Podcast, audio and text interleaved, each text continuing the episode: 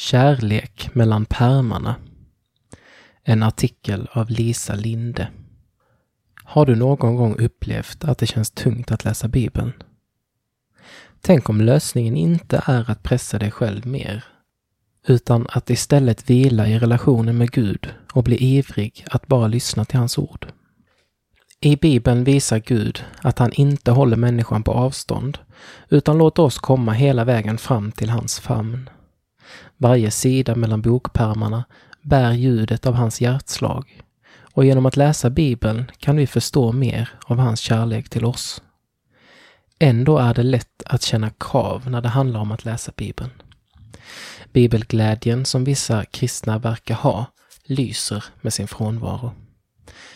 Men med längtan istället för press och goda vanor istället för alldeles för höga mål kan du upptäcka mer av allt det fantastiska som Bibeln innehåller. Gör Bibeln till din. I Jeremia 31, vers 33 säger Gud Jag ska lägga min lag i deras inre och skriva den i deras hjärtan. Ta Bibeln till hjärtat. Det är så författaren vill att den ska användas. Det blir dessutom både lättare och roligare när du gör Bibeln till din egen. Du kan göra på många olika sätt. Jag tycker om att skriva lappar med bibelord som jag gillar, eller som jag kanske behöver påminnas om.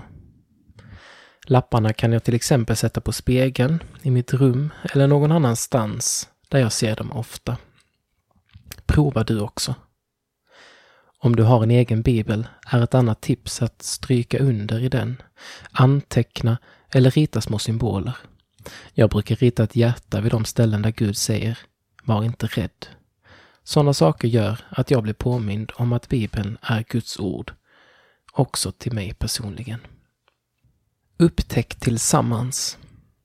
Allt är inte lätt att förstå i Bibeln och det är okej. Okay. Du är långt ifrån ensam om att brottas med svåra bibelställen. Men eftersom det kan göra att Bibeln blir stående i hyllan är det viktigt att ha några knep. Ett snabbt och enkelt första steg är att läsa fotnoterna, alltså kommentarerna till texten. De finns oftast längst ner på sidan eller som små bubblor som man kan trycka på om du läser i en app.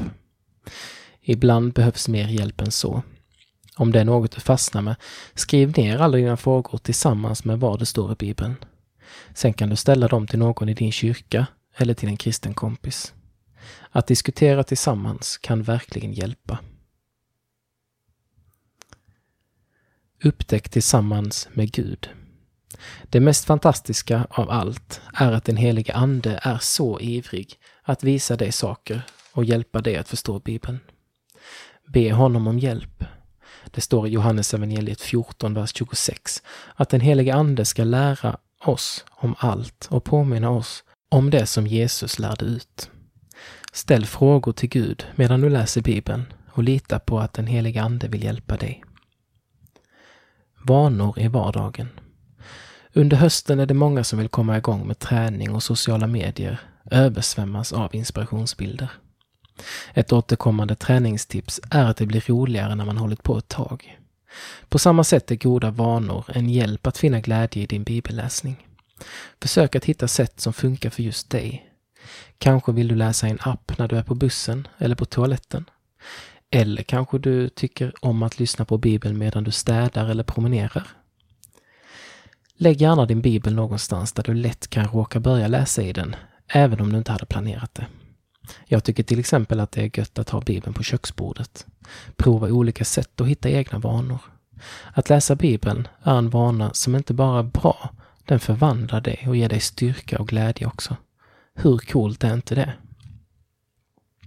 Sätt inte orimliga mål. Att ha för höga ambitioner med sin bibelläsning kan ofta göra att glädjen försvinner. Det är grymt bra att längta efter mer och ha mål med sin bibelläsning. Men sätt inte för höga mål och var inte hård mot dig själv om du skulle misslyckas med att nå upp till dina mål någon dag. Mitt tips är Läs så mycket som möjligt, så ofta du vill. Känn ingen press, utan känn dig pepp. Det är ju trots allt världens mest fantastiska kärlek som du får lära känna när du läser. Hitta ditt sätt att njuta av allt det fantastiska som finns i Bibeln.